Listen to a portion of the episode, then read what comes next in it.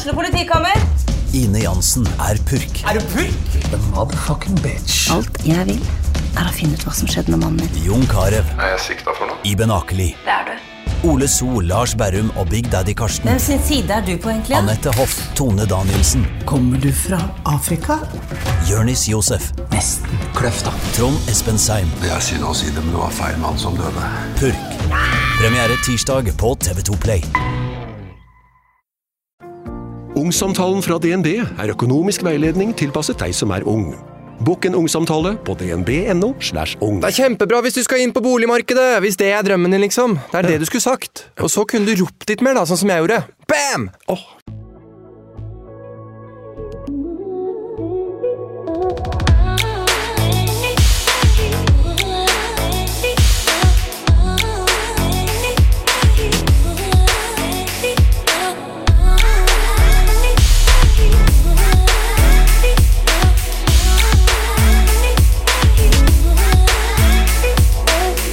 Jeg har eh, tenkt på det mange ganger.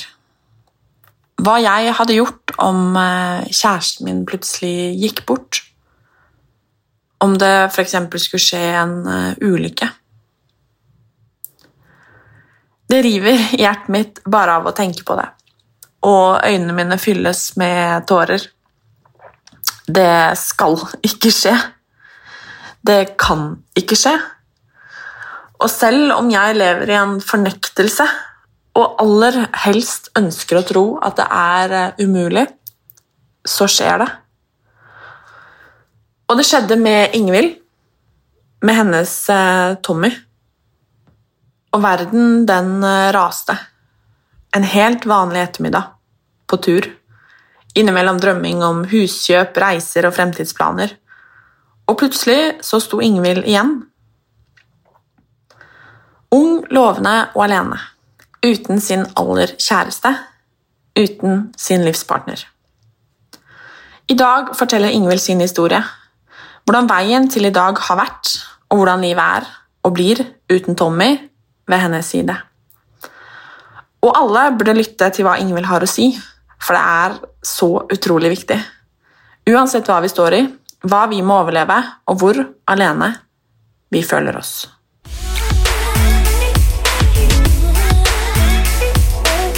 I oktober i 2019 så mista jeg eh, kjæresten min. Vi var ute og gikk eh, tur eh, i nærområdet etter jobb, og alt var egentlig helt vanlig.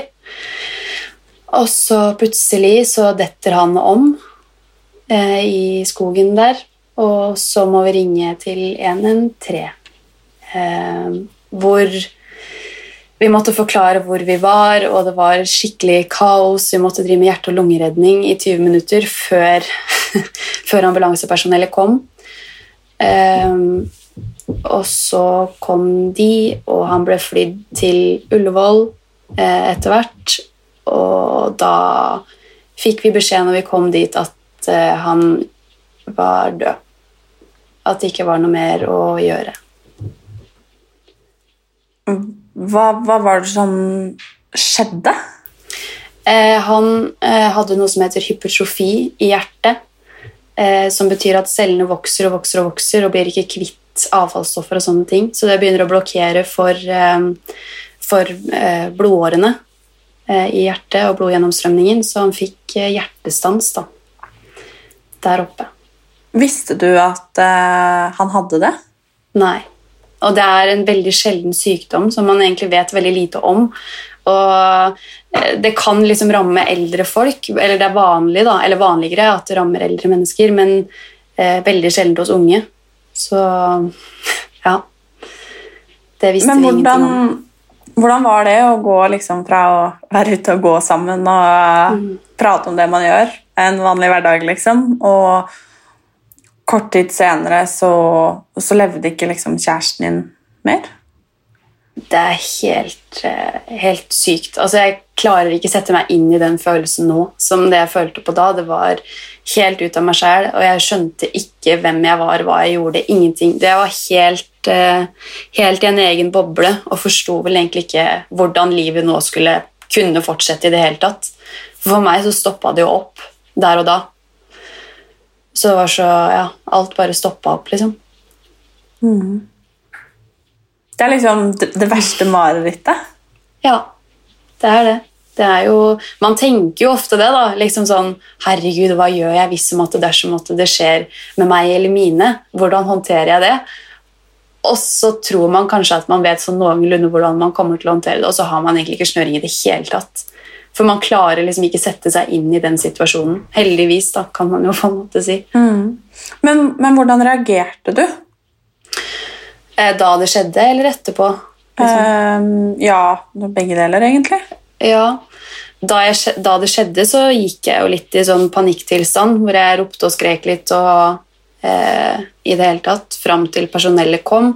Og da var jeg veldig sånn at jeg ville hjelpe, men du blir jo så hjelp, hjelpeløs. Du får ikke gjort noen ting. Så du får liksom bare beskjed om å på en måte holde deg heller litt unna, da. Så ikke du forstyrrer det, dem i den jobben de gjør. Eh, og så tok det jo litt tid før vi kom til sykehuset, så i mellomtida der, da, fra han på en måte ble frakta fra eh, skogen til sykehuset, så gikk det jo et par timer hvor vi ikke visste noen ting.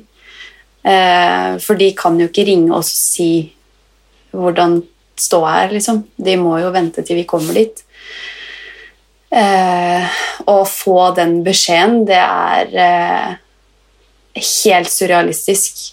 Altså vi sitter der og frykter jo det verste, men tenker samtidig at det er et lite håp, for han har blitt frakta hit. Det er, de, han er i de beste hender, liksom, så hvordan kan det gå gærent? Han er jo 26 år, det går jo, han kan jo ikke bli borte, liksom. Det skjer bare ikke.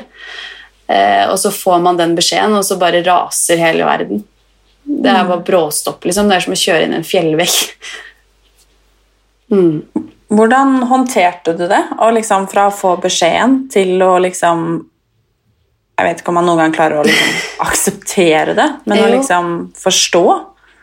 Ja um, Jeg vet ikke helt. Altså eh, For vi fikk jo liksom komme inn på rommet hvor han lå uh, og var død, liksom. Hvordan i alle dager var det? Nei, det er, det er helt merkelig, fordi da var han fortsatt varm, ikke sant? Fordi, ja. Mm. Så vi gikk jo inn der, da. Eh, Jeg fikk lov til å gå inn alene, for jeg ba om det. Jeg Trengte tid for meg selv, liksom. Jeg Gikk inn der og satte meg ned ved siden av, og der er det kaldt inne i rommet, for at ting skjer med kroppen og sånt. Eh, Og så tar man på han, og så er han fortsatt varm. Så jeg satt jo egentlig der og bare venta på at han skulle åpne øynene og bare 'Hallo, jeg er tilbake', liksom. Og så bare skjer ikke det. Du bare sitter der og venter og venter og venter, og venter, og venter, og så, hold, og så tok jeg tak i hånda hans, husker jeg, og så forma den seg etter min. Ja, Så man vil jo ikke slippe, ikke sant? Man har jo ikke lyst til å gå derifra. Så det tok jo ganske lang tid før jeg på en måte aksepterte det. Jeg tror egentlig ikke det skjedde før kanskje et års tid senere. At jeg på en måte skjønte at ok, han er faktisk borte. Han kommer ikke tilbake. Fordi man, man, man bare klarer ikke å ta det innover seg, liksom. Selv ikke i begravelsen. Hvordan var det å, å være begravelsen til kjæresten sin? Jeg vet at jeg har sagt til kjæresten min at liksom å, nei, den sangen her den vil jeg at skal bli spilt i begravelsen min. Eller, altså, bare, Ja. altså, sånne ting som man liksom gjerne tuller med. Eller liksom, eh, han kan tulle med at han skal bli begravd med en snus i munnen. Liksom. Altså, sånne, sånne tullete ting. ikke sant? Ja. Eh, og hvordan i alle dager var det å faktisk være der? Nei, fordi i og med at vi bodde sammen, så var det på en måte jeg som egentlig var eh, nærmeste, da, på en måte. Så det var jeg som fikk litt ansvar for å planlegge og i det hele tatt. Eh, sammen med foreldrene, da. De har jo vært helt eksepsjonelle oppi alt. Eh, og da blir det sånn, ok, hvilken skjorte skal han ha på seg? Det er ting man aldri har tenkt på ellers. Eh, Hvilke sanger skal spilles? Og da var det sånn Ok, han har et favorittband som er fra Flisa, eh, som heter Picasso, så det var liksom 100% Ok, de skal spilles, på en måte. Eh, eh, ja Jeg vet ikke hva mer jeg skal si. Jeg skjønner det. Mm. Hvordan var liksom tiden etter, da? Hvordan tar man liksom fatt i livet igjen? Nei, det er jo det som er så vanskelig, da. Det er liksom Hva gjør man, liksom? Man starter liksom helt på nytt. Eh, vi hadde jo på en måte Selv om ikke vi hadde kjøpt hus, eller, eller sånne ting, så hadde vi jo på en måte begynt å planlegge framtida vår. Vi var liksom veldig sikre på at ok, det er oss, og det er her vi vil være. Og han hadde jobb, jeg gikk på skole og jobba, liksom, og vi hadde på en måte alt eh, liksom foran oss, da. Og vi prata om å kjøpe huset til besteforeldrene hans og skulle pusse opp det. og eh, Bare noen dager før det skjedde, så hadde vi prata med besteforeldrene hans, og vi skulle på en måte bare close dealen, og så var det egentlig litt i boks. Så gå ifra det da, eh, til å plutselig bare stå helt på bar bakke uten, uten den bautaen i livet som han var, da. Plutselig står man alene og har på en måte Jeg vet ikke, når man har på en måte lagt en framtid sammen, så blir det til at man blir litt i ett på en måte med den man er sammen med. da. Man planlegger ting ut ifra hva, hva vi vil sammen, og ikke alene. Så å skulle finne ut av hvem fader er jeg egentlig nå? Hva vil jeg videre? Skal jeg fortsette der jeg slapp, eller hva skal jeg gjøre? Så å ta fatt på livet igjen, det var hardt. Eh, og hvordan man egentlig gjør det, veit jeg ikke helt. Det bare har gått seg liksom til etter hvert. Jeg har bare måttet finne ut av det på veien. Men det er, det er egentlig noe jeg lurer på, sånn liksom personlig, liksom. Det der å eh, For én ting er liksom med en gang det skjer, og så kommer begravelsen, og man er så, så dypt inne i liksom sorgen, da. Eh, men så plutselig kommer man hjem, liksom. Eh, og så er det jo helt stille. Um, fikk du noe hjelp med det, og hvordan, hvordan var det å på en måte komme hjem uten at det helt sikkert føles, eller føltes ut som hjem? Eh, til å begynne med så bodde jeg hos foreldrene hans. Eh, jeg klarte ikke reise hjem i det hele tatt, fordi idet jeg kom inn der, så var det Alt var bare feil, fordi han var ikke der, ikke sant? og vi har da bygd opp alt det her sammen, og så stå der alene Jeg bare Det her går ikke. Så jeg bodde en stund hos foreldrene hans, og så eh, prøvde jeg å være litt hjemme iblant, for vi bor ganske nærme hverandre. eller bodde da, ganske nærme hverandre. Så prøvde jeg å gå dit og hente litt klær og litt diverse, og så ja, prøve å være der, bare. Og ta det inn over seg. Da. Det er jo da det på en måte begynner å gå litt mer opp for en, da, at det mangler noe. Og at den mangelen ikke kommer tilbake igjen. Eh, og det er nok kanskje det tøffeste, eh, tror jeg. I hvert fall noe av det tøffeste. Å liksom komme hjem og Det er bare helt stille. Det er ikke er, Det er bare deg og dine tanker og Ja. Og det, det fikk jeg hjelp med. Jeg fikk jo, eller Kriseteamet tok jo tak i det, og jeg kom til psykolog og har jo fått prata mye der. og Jeg har jo veldig mange fine folk rundt meg. Både mamma og pappa og foreldrene hans og venner og alt har jo vært ja, alfa og omega egentlig oppi alt sammen. Følte du deg allikevel alene? Ja. Hvordan da? Ja. Nei Altså, han var jo både bestevenn og kjæreste, samboer, den jeg delte alt med. Det var han jeg ringte til. Altså, Hvis dette hadde skjedd med en annen person, en venn av meg, for eksempel, så hadde det vært han jeg ringte til. Og når det her skjer med den personen jeg alltid går til Og i, hvem skal jeg gå til, liksom? For Jeg veit jo at jeg har folk rundt meg, men det er jo ikke de jeg vil prate med. Det er jo han. Så det føltes som at jeg var helt alene i hele verden, selv om jeg hadde folk rundt meg hele tida. Eh, ja. Var det noe du skulle ønske var annerledes når det skjedde? Sånn med hjelp, eller altså hvordan ting ble? Mm, nei, altså eh, Det tok jo lang tid før ambulansepersonellet kom, og at eh, det tok lang tid før han kom til Ullevål, og sånt, og det var jo det som på en måte gjorde utslaget til at de ikke la han i koma, f.eks. Um, men samtidig så har vi jo gått mange runder med oss sjøl, både jeg og foreldrene hans, og et liv for han som holdt på å si grønnsak, det hadde ikke vært noe liv. Um,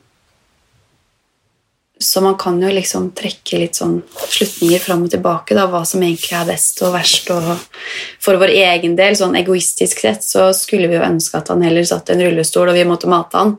Jeg skulle gjort det hver dag hele året. Eh, men for hans del så er det kanskje ikke helt sånt, da. Mm. Mm. Hvordan har du det i dag? For nå er det Hvor lenge siden? To år og fire måneder, altså to og et halvt år cirka. Mm. Hvordan har du det i dag, to og et halvt år etterpå? Ah, shit, hvordan har man det da? jeg har det jo eh, egentlig fint. Jeg har gjort veldig mye de siste åra. Jeg reiste til Bali, var der et, eh, i noen måneder. Og så har jeg bodd i Oslo og vært butikksjef der, og nå er jeg jo her i Elverum. Og eh, jeg har det fint, men ja, hva skal man si da? Det kommer liksom tider da, hvor man tenker veldig mye på det, og um, man kjenner jo at det er en sorg og et savn der som alltid kommer til å være der, liksom. Men så lærer man seg jo etter hvert å leve med det. Det var jo mye verre i starten, på en måte. Da visste man jo ikke hvordan håndterer man det her i det hele tatt. Går det an å håndtere det? Mm. Men gjør det det? Går det an å håndtere det? Jeg vil jo si ja, fordi selv om det gjør vondt som bare det, så kommer man seg gjennom dagen allikevel, og man finner liksom glede i sånne småting. Og eh, man, etter hvert så begynner man kanskje å tenke tilbake på det og se hvor heldig man var, da. Som faktisk fikk oppleve han, og eh, alt det fine man liksom har av minner og i det hele tatt. Så man lærer seg jo etter hvert å leve med det eh, og håndterer det på et eller annet vis, men man kommer jo aldri over det. Det er jo aldri noe man blir kvitt. Det vil jo alltid være der. Eh, mm. Men samtidig da, så er jeg litt sånn bygd at jeg tenker at vet du hva, hvor fint er ikke egentlig det, da? At vi bærer han med oss hver eneste dag. Tenk hvor mye det sier om han, liksom. Mm. Han var en så fin person, og det er så mange rundt han som savner han hele tida. Så jeg skal heller savne han så mye som jeg gjør, enn å ikke skulle savne han, da. Mm. Mm. Hva er det du har tatt med deg liksom, fra den, den, tiden dere hadde sammen, til på en måte den tiden etterpå og til det å skulle være alene igjen? da? Eh, jeg tror jeg har lært mye av han med å leve litt her og nå. Og eh, han var veldig flink til å liksom Han var ikke sånn som sparer til pensjon. Han var mer sånn Ok, vi stikker til Dubai. Ok, vi stikker til London. Vi stikker til København. liksom. Eh, fordi han tjente eh, penger som man kunne bruke, istedenfor å sette det inn på en konto. og ja, da har jeg de når jeg blir 80, liksom. Det er sånn Ja, hva med nå? Det er jo nå du skal leve, liksom. Så jeg har tatt med meg veldig mye av det, at jeg prøver å på en måte hoppe litt ut i ting. da. Ta litt sjanser og eh, Ja, og feiler det, så er det så farlig da, liksom. Mm. Det går jo fint. Det, man skal prøve å feile for å nå noe sted i livet, og eh, ut av feiler så kommer det liksom fine ting allikevel. På en eller annen måte. Man må bare ønske å se det, liksom. Mm. Mm. Jeg vet ikke om du har tenkt på det her i det hele tatt, egentlig, eller om du har kommet dit, eller, eller, noe som helst, eller om når man kommer dit, eller om man i det hele tatt gjør det, på en måte. Men hvordan er det på en måte skulle kanskje finne seg en ny partner etter å ha gått gjennom noe sånt, eller første gang man Mm. liksom kanskje skal prøve å date igjen, eller altså Ja. Ja, det er jo en veldig prosess, da. Eh, Jeg var jo ikke klar for det i det hele tatt til å begynne med. Det gikk sikkert et år før jeg i det hele tatt tenkte på det. Fordi jeg syns det var helt feil. Og hvis man skulle date noen man ikke kjenner, så det her er en så stor del av meg, da. At hvordan skal jeg kunne date en person og ikke fortelle om det, og hvordan skal jeg date en person og fortelle om det? Det begge deler er liksom så rart og feil og ikke Nei, det, det ga liksom ikke noe Jeg hadde ikke veldig lyst til det. Eh, men så etter hvert så tenker man liksom som så Ok, hvis det var jeg som ble borte, og han som satt igjen, så hadde jeg ønska at han skulle gå videre og ha det så fint som mulig. altså Gå videre i den forstand at man finner seg en ny partner. da, Ikke glemmer eller noe sånt. Men ja. Eh, så jeg tenkte at vet du hva, jeg må gi det en sjanse. Og hvis det dukker opp noen, så er det greit. Og det å klare å komme dit at man tenker sjøl at det er greit, det er, en, det er en lang prosess, liksom. Å føle at det man gjør, er, ikke er feil. For eh, når man er Jeg var jo 23 da det skjedde. Og skulle gå fra 23 til den dagen jeg dør uten en partner, er jo ganske usannsynlig og heller sikkert ikke så veldig sunt. så ja, jeg, jeg, er jo åpen for det. Det er jeg. Mm. Nå vet jeg ikke da om du har på en måte fortalt det til en på en date eller til kanskje et nytt menneske som generelt mm. sett har kommet på en måte inn i livet ditt, om det er en venn eller hva det på en måte har vært. Hvordan, hvordan forteller man om noe på, som er så vanskelig og sårt og, og tungt, da, om den bagasjen? Jeg syns det var veldig vanskelig til å begynne med. Fordi jeg klarer jo å sette meg inn i den situasjonen og tenke sjøl ok, hva hadde jeg sagt, liksom? Hva hadde jeg gjort? Eh, og jeg flytta jo til Oslo, og da bodde jeg jo med tre andre jenter. Ei jeg kjente fra Bali, som jeg møtte da et halvt år etter at Tommy gikk bort. Så hun visste om det allerede, men de to andre visste jo ikke om det. Eh, og skulle liksom sitte der og fortelle om noe sånt Det var bare veldig rart. Fordi, litt fordi at jeg føler at jeg satt litt på utsida av meg sjøl og liksom fortalte bare en historie. Men samtidig også fordi at hvordan De syns jo selv at det er vanskelig altså Hva skal man si? Som de sier, da. Hva, herregud, jeg vet ikke hva jeg skal si. Og så blir jeg sånn Nei, men det er ikke så mye å si, liksom. Jeg vil bare fortelle så du vet hva som foregår, liksom. Fordi jeg har jo dager hvor jeg nesten bare har lyst til å ligge under dyna og ikke se mennesker i det hele tatt. Uh, og kunne forklare liksom hvem jeg er, da. Uh, så det er veldig rart å skulle fortelle det til noen, men samtidig så føles det jo veldig godt når man har fortalt også. Man føler jo at man blir forstått på en måte, og at de blir kjent med deg, og eh, det er lettere å ha samtaler Altså, jeg vet ikke. Det bare Det gjør ting veldig mye lettere, i hvert fall så lenge man er tett, da. Men når det gjelder dating, så har jeg vært liksom på eh, en sånn Tinder-date en gang.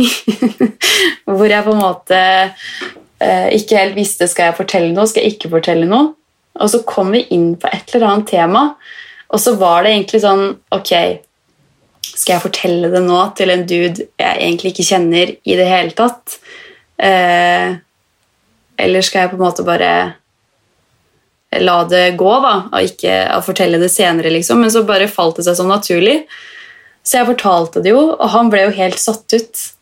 Han bare Oi, ja, det var jo litt bagasje å ha med seg, da. Jeg bare Ja. Og vi møttes ikke igjen da. Så det er jo litt sånn Ikke alle er så åpne for å Eller mottagelige, da. Men ja. Men tror du at det skremmer eventuelle liksom, Kall det dates, da? Ja, det er jo det jeg tenker at skjedde. da. At han ble litt sånn Oi, shit, hvordan håndterer man det her? Mm. For det er jo sikkert litt å håndtere, da. Mm. Eh, ja. Men hvordan altså Som f.eks. venninne, da, eller altså, hva man nå er, altså til en som går gjennom noe så tøft som det du har gjort og gjør. Eh, hvordan, kan man, hvordan kunne jeg vært en god venninne? Hva liksom trengte du å høre? Hvordan trengte du at dine nærmeste oppførte seg? Eh, for jeg tror veldig ofte at man reagerer litt sånn, at man ikke helt vet hva man skal gjøre. Og jeg tror at veldig mange egentlig lar være å si noe fordi at de er redd for å si noe feil, og så er det jo ofte bedre å si noe enn å ikke si noe. Um, så hva, ville, hva syns du var fint, og hva skulle du ønske deg? Og ja, hvordan kunne jeg vært en god venn? Um, det er veldig mange som jeg møtte på butikken som sa at 'Å, eh, jeg skulle ha sendt deg melding, men jeg visste ikke hva jeg skulle si'. Og da pleier jeg på en måte egentlig bare å si at det er bare å si at du tenker på meg. Jeg setter kjempestor pris på det. Og, eh, men for en venninne som på en måte kanskje skal være litt nærmere, da, så er det jo å tørre å spørre, liksom. Å tørre å stå i det svaret de får. For eh, det er litt forskjell på hvilket svar man får, og hvilket man ønsker å høre. og jeg skjønner jo at det er tøft å høre at en venninne har det skikkelig, skikkelig tungt. Eh, men å da tørre å stå i det da, og spørre igjen, eh, det syns jeg er ganske viktig. da. Å tørre å gjøre, liksom. Og ja. Mm. Mm. Jeg tror at uh, det er superviktig. Det å faktisk tørre å prate med hverandre. For det er som du sier litt den der Nei, jeg burde sendt deg melding. Jeg skulle ja. gjort det, men um, mm. Og jeg tror ikke at det, noen mener noe vondt med det, men jeg tror som sagt at det um, handler da om at de er redde for å si noe feil, og at man faktisk ikke vet hva man skal si. Um, og det er jo som du sa i sted, det er jo ikke akkurat noe man kan forberede seg på. Uansett hvordan, hvor mye man har tenkt på det eller gjennomgått eller tror at man kommer til å reagere. Men var det noe som overraska deg, om hvordan du på en måte reagerte? Ja, eh, det er det egentlig. Fordi jeg har tenkt noen ganger om det er noe galt med meg. Fordi at jeg har håndtert det som jeg har gjort. Jeg eh, har jo tenkt at fordi at jeg klarer å være så positiv i gåseøynene som jeg er, at det er feil at jeg burde egentlig ha ligget under dyna og grått hver dag og ikke orka livet i det hele tatt. Um, så det har nok overraska meg litt at jeg faktisk har klart meg uh, så langt som jeg har gjort. At jeg har kommet hit jeg er, at jeg har fortsatt livet som jeg har, som jeg har fått til da, på en eller annen måte. Um, og jeg får jo ofte høre liksom, at du er så sterk og uh, jeg skjønner ikke hvordan du får det til, osv., osv. Men jeg tror noen på en måte er bygd sånn at de graver seg ned, og andre er bygd at de finner en eller annen kraft inni seg sjøl, et eller annet dypt sted. Jeg tror egentlig alle har den hvis de leter. Eh, men at det er lettere for noen å finne den, da. Eh, og klare å komme seg ut i livet igjen og fighte som bare det, for det er det man må. Man må sparke seg sjæl i ræva så mange ganger og bare Vet du hva? Det nytter ikke å sitte her og synes synd på seg sjæl. Ja, det er lov, eh, selvfølgelig, men av og til må man bare sparke seg sjøl i ræva og si Vet du hva? Du er 24 år. Kom deg ut og lev. Det er, det, det er det jeg hadde ønska for han, så hvorfor i all verden skal jeg sitte her og gjøre noe annet? Mm. Mm. Jeg har egentlig bare lyst til å si jeg òg, at jeg syns du er så sterk. jeg setter pris på det, da. Men det er jo liksom en styrke, det å være, være sårbar også. Ja. Um, og har du Det er jo litt sånn kynisk, men livet går jo på en måte videre på et tidspunkt. Det er jo egentlig litt det du sier nå, men litt den derre om man blir ramma av en tragedie, en katastrofe skjer, uh, så stopper vi gjerne opp litt. Um, mm. Og selv om du på en måte har vært gjennom noe fælt, så fortsetter liksom de som går på jobb på den lokale matbutikken og gjør det hver dag, som om ingenting har skjedd. Ja. Um, og hvordan har det vært? Ja, Å se liksom hvordan livet bare ja, livet, folk fortsetter å forlove seg ja. og få barn og utdanne seg mm. og dra på jobb og løpe på tur og altså disse tingene mm. her. Folk fortsetter å leve selv om det kanskje føles ja, både urettferdig og, og feil. Jeg vet ikke. Jo, du, altså I starten så jeg skjønte ikke altså, hvordan verden kunne fortsette. i det hele tatt. Jeg var sånn, Men hallo, folkens! Har dere ikke sett hva som har skjedd? liksom? Og jeg ble nesten litt sint, på en måte. Jeg tenkte bare Hvorfor stopper ikke verden opp nå? Det, det, det går jo jeg, Stopp! Jeg vil av, liksom. Stopp på den neste bussholdeplassen og slipp meg av, for det her orker jeg ikke mer. Um, men så skjønner man jo etter hvert at det er livet. Altså Det er full rulle hele tida, da. Vi får, ikke, vi får ikke satt livet på pause. Um, og selv om en tragedie skjer, så, så Ja, man må bare fortsette, da.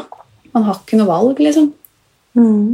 Eller man har jo på en måte det, men samtidig ikke, da. Det er jo Ja, nei. Hadde dere noen felles drømmer som du har tatt med deg videre? Eh, det eneste er egentlig bare det med reising. At eh, begge to var Eller at vi hadde det som felles eh, en sånn felles greie med det, og at vi elsker å reise og oppleve og se og ja, i det hele tatt. Og det har jeg nok tatt med meg videre. at Ikke bare for meg, men litt for han òg, da. Og favorittlaget hans er Liverpool. Eh, og jeg er United-fan. så vi var jo skikkelig erkerivaler. så da det var storkamper som Liverpool United, og sånn, så hadde vi på hver vår trøye og satt på sportsbar med, med hver vår heiagjeng og liksom bare så bort på hverandre og ja, eh, skula bort på den som scora. ikke sant? Eh, så det å ha jeg tatt med meg videre. Jeg er veldig jeg må liksom få med meg kamper, og selv om jeg hater Liverpool litt, så blir jeg veldig glad når de vinner allikevel. Fordi for han, liksom, så blir jeg glad. Det var veldig fint. Ja. Jeg syns det er litt vanskelig. altså, det er liksom Jeg tror alle kan sette seg på en måte Eller liksom forestille seg um, det du har opplevd, da. Og jeg føler det så langt inn i hjertet mitt, liksom. Ja. Um, og det er liksom Det er bare den der følelsen at jeg vet ikke hva jeg skulle gjort. Um, og da er det så fint, da. Selv om jeg håper at ingen noen gang opplever det igjen, eh, så er det så fint at du sitter her, og du forteller, og du ler, og Ja. du smiler, og du minnes, og du Du overlevde, liksom. Tenk det. Jeg hadde jo ikke trodd det. Jeg var jo sikker på at nå er livet over. Og så finner man en eller annen styrke, da, både i meg sjøl og de rundt meg, og så klarer man det allikevel. Og det er beundringsverdig, men det er liksom som du sier, det er vel at man finner en sånn styrke, kanskje. Ja, jeg tror Det er som det er klisjé å si, da, men du veit ikke hvor sterk du er før du faktisk må. Eh, så alle er kapable til det. Man må bare eh, Jeg vet ikke Kanskje ha de riktige verktøyene, tørre å snakke med folk. Eh, jeg tror det er nesten alfa og omega. Tørre å snakke om det. For mm, det hjelper ikke å undergrave det og skjule det og gjemme det bort. eller noen ting. Det blir ikke borte allikevel. Og Jo mer åpen man er om det, jo flere har man å snakke om, og jo flere verktøy får man, jo mer hjelp får man. og et, Det er så viktig, da. Og det er på en måte det jeg vil fram til. At bare tørre å snakke om det, tørre å være åpen, tørre å være sårbar, da, som du sa i stad. Bare, bare ta imot den hjelpa du kan. For alle som kan, vil være der for deg, liksom. Og hvordan Det fins jo liksom ikke en oppskrift på egentlig hvordan man skal takle noe her i livet. Stort sett så må man jo brette opp armene og finne ut av ting sjøl. Mm, og syns du at Eller kunne du ønske at det på en måte fantes en, et sted eller noen, eller en, ja, kall det en oppskrift, da, eh, en pekepinn, eh, eller bare et håp eh, om at på en måte dette går bra, og, og det her er lurt å gjøre, liksom? Når du sto i det? Ja, på en måte. Eh, så skulle jeg ønske at det fantes en oppskrift og en fasit. Eh, men jeg tror også at det kanskje kunne gjort det enda vanskeligere. For hvis jeg ikke følger fasiten eller oppskriften, så føler jeg da at jeg gjør noe feil. ikke sant? Mens i en sorgprosess da, så er ingenting feil. Og det, det må man også tørre å stå i. da, At de valgene man gjør, det gjør man for seg sjæl, ikke for noen andre. Ikke for psykologen din eller mamma eller pappa eller søstre eller venner eller noen ting. Man gjør det for seg sjæl. Eh, ja. Jeg tror nesten det er det viktigste. Tørre å stole litt på seg sjøl og ja. Mm. Er det noen dager som er verre enn andre? Ja, det er det. Hvordan det er, eh, altså, man kan jo tenke liksom, at det er på årsdagen hvor når han døde, på bursdager osv., men det er av og til jeg bare våkner opp og bare tenker fy fader, jeg orker ikke, liksom. Og det trenger nesten ikke være det er ikke noe, trenger ikke være noe spesiell dag eller noen ting. Det bare, av og til så bare er det skikkelig dumt. Um, men så må man bare stå i det. Det er liksom å la seg sjøl ha det litt dritt iblant. da.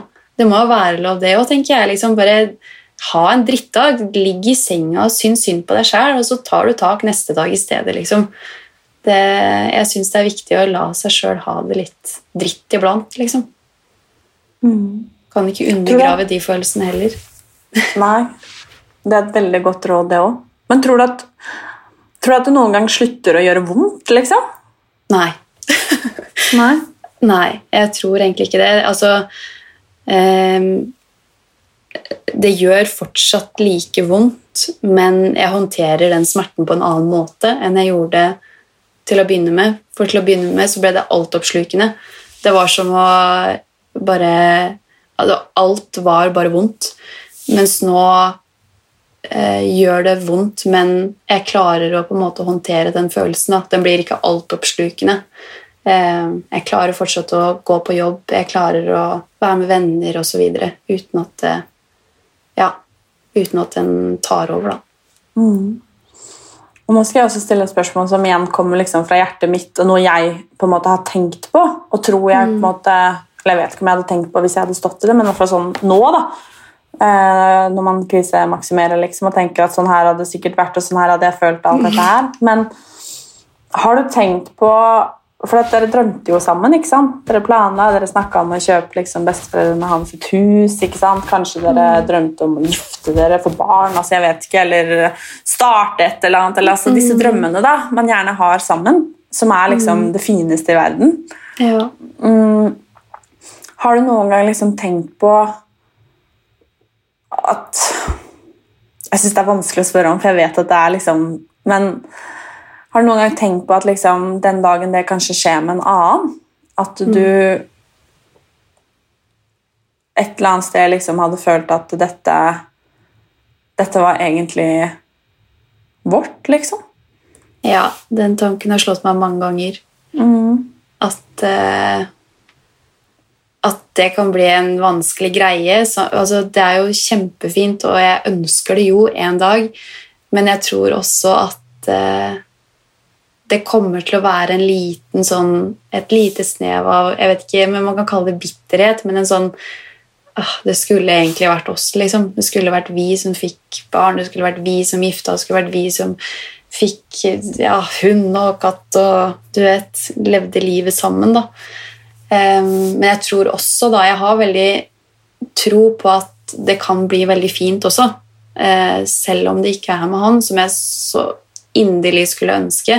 Jeg hadde jo bytta ut livet mitt nå mot å leve med han hver dag hele året, uansett når, liksom. Uansett hva. Men det skjer jo ikke, ikke sant? så man må bare prøve å, å gjøre det beste ut av det. Og den dagen jeg får barn, så jeg kommer til å være like glad i, glad i de barna selv om det ikke er hans barn. Eh, ja. Mm. Og man har jo rom til mange i hjertet sitt. ikke sant? Det er jo ikke bare plass til én. Og det er det Eh, som er så fint. Ja, så selv om et, en stor del av hjertet mitt er hans og hører til han, på en måte, så, så har jeg plass til flere. Det er ikke, det er ikke fullt. Nei. Hvordan håper du liksom at livet blir nå, da? Uten han? Fremover? Gud. Ja, hva skal man si? Jeg drømmer jo om å reise masse. Altså typ eh, i Norge. Bare oppleve hele Norge.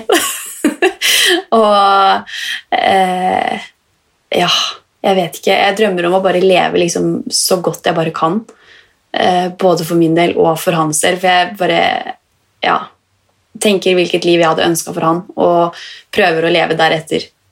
Så jeg ønsker meg bare et fint liv, hva enn det innebærer. Om det er en A4-jobb eller om det er å bo på fjellet. Så det spiller ingen rolle. Bare det er eh, fylt med fine mennesker og gode opplevelser, så tror jeg det er greit for meg. Mm. Har du noen råd hvis det er noen som kanskje står i dette akkurat nå? Noen som i fremtiden kommer til å søke seg i hjel etter en historie som ligner på sin egen, eh, og, Mm. og plutselig ramler inn her, eller noen som generelt bare føler at nå vet jeg ikke hvordan jeg skal klare det, og har mista noen som de er veldig veldig glad i. Har du noen Mm. tips til å liksom, eller råd eller knagger, eller hva vi nå skal kalle det? Ja, det er som jeg sa i stad, da. Å, å tørre å være åpen om det, og tørre å snakke om det, og ikke være så redd for hva andre eh, syns og mener. For noen vil synes at det du gjør, er riktig, andre vil synes det er feil, men det spiller ingen rolle. Bare stol på deg sjøl og din egen magefølelse. Og la deg sjøl ha det jævlig iblant, men spark deg sjøl i ræva. Få deg sjøl opp, for det, eh, folk rundt deg kommer til å eh, ta veldig vare på deg uansett. ikke sant? De kommer til å legge litt puter under armene dine, servere ting på gullfat osv. Så, videre. så iblant så må man bare ta tak i det sjøl og bare vet du hva, nå må jeg fader meg komme meg opp og ut. For, for livet har ikke stoppa opp sjøl om man skulle ønske. Eh, og at det er lov å eh, ha det bra. Det er lov å føle på fine følelser, det er lov å le, det er lov å, lov å ha det gøy igjen, liksom. Mm, ja, og det er lov å bli glad i andre mennesker igjen også. Eh, eh, ja. Mm. Jeg blir helt tom for ord, jeg. Ja. Det, er, eh, det eneste jeg har lyst til, er å gi kjæresten min verdens største klem. Åh, ja. Og liksom det der å være takknemlig for det man har, og sette pris på det. Og hvor teit det uansett høres ut, så tenker jeg at eh, den der bokseren som aldri klarer å treffe den jævla skittentøyskurven liksom Det går bra! Det er greit! Det er sånn bare her jeg sitter nå, så ser jeg han har ikke rydda opp maten han spiste i stad. Den står på stuebordet. Sant? Og det er bare sånn, Uansett hvor irriterende det er, så er det bare sånn Det er liksom, det gjør han til han, da. ja, det er noe med det. Man må Ja, bare sette pris på det. eh, Ja, og jeg beundrer deg av hele mitt hjerte, Ingvild. Tusen takk. Det er jeg er veldig, veldig glad for at du ville dele fra hjertet ditt, som selv fra den mest betente og vonde biten, liksom. Jeg syns jo det er så viktig, så jeg er veldig glad for at jeg fikk muligheten til det. Og jeg håper jo, eh, selv om ikke jeg ønsker noen andre i min situasjon, så håper jeg at noen kanskje kan finne noe, enten hjelp eller trøst, eller kanskje føle seg mindre alene, eller et eller annet. Det håper jeg òg, og det er jeg egentlig bombesikker. Jeg er sikker på at i dag så gjorde du det litt mindre betent for en eller annen der ute. Det håper jeg. Ja. Tusen takk, Ingvild. Og jeg ønsker deg alt godt, og jeg håper at du reiser verden rundt med Tommy i hjertet ditt. Det skal jeg prøve på. Tusen takk. Takk for meg.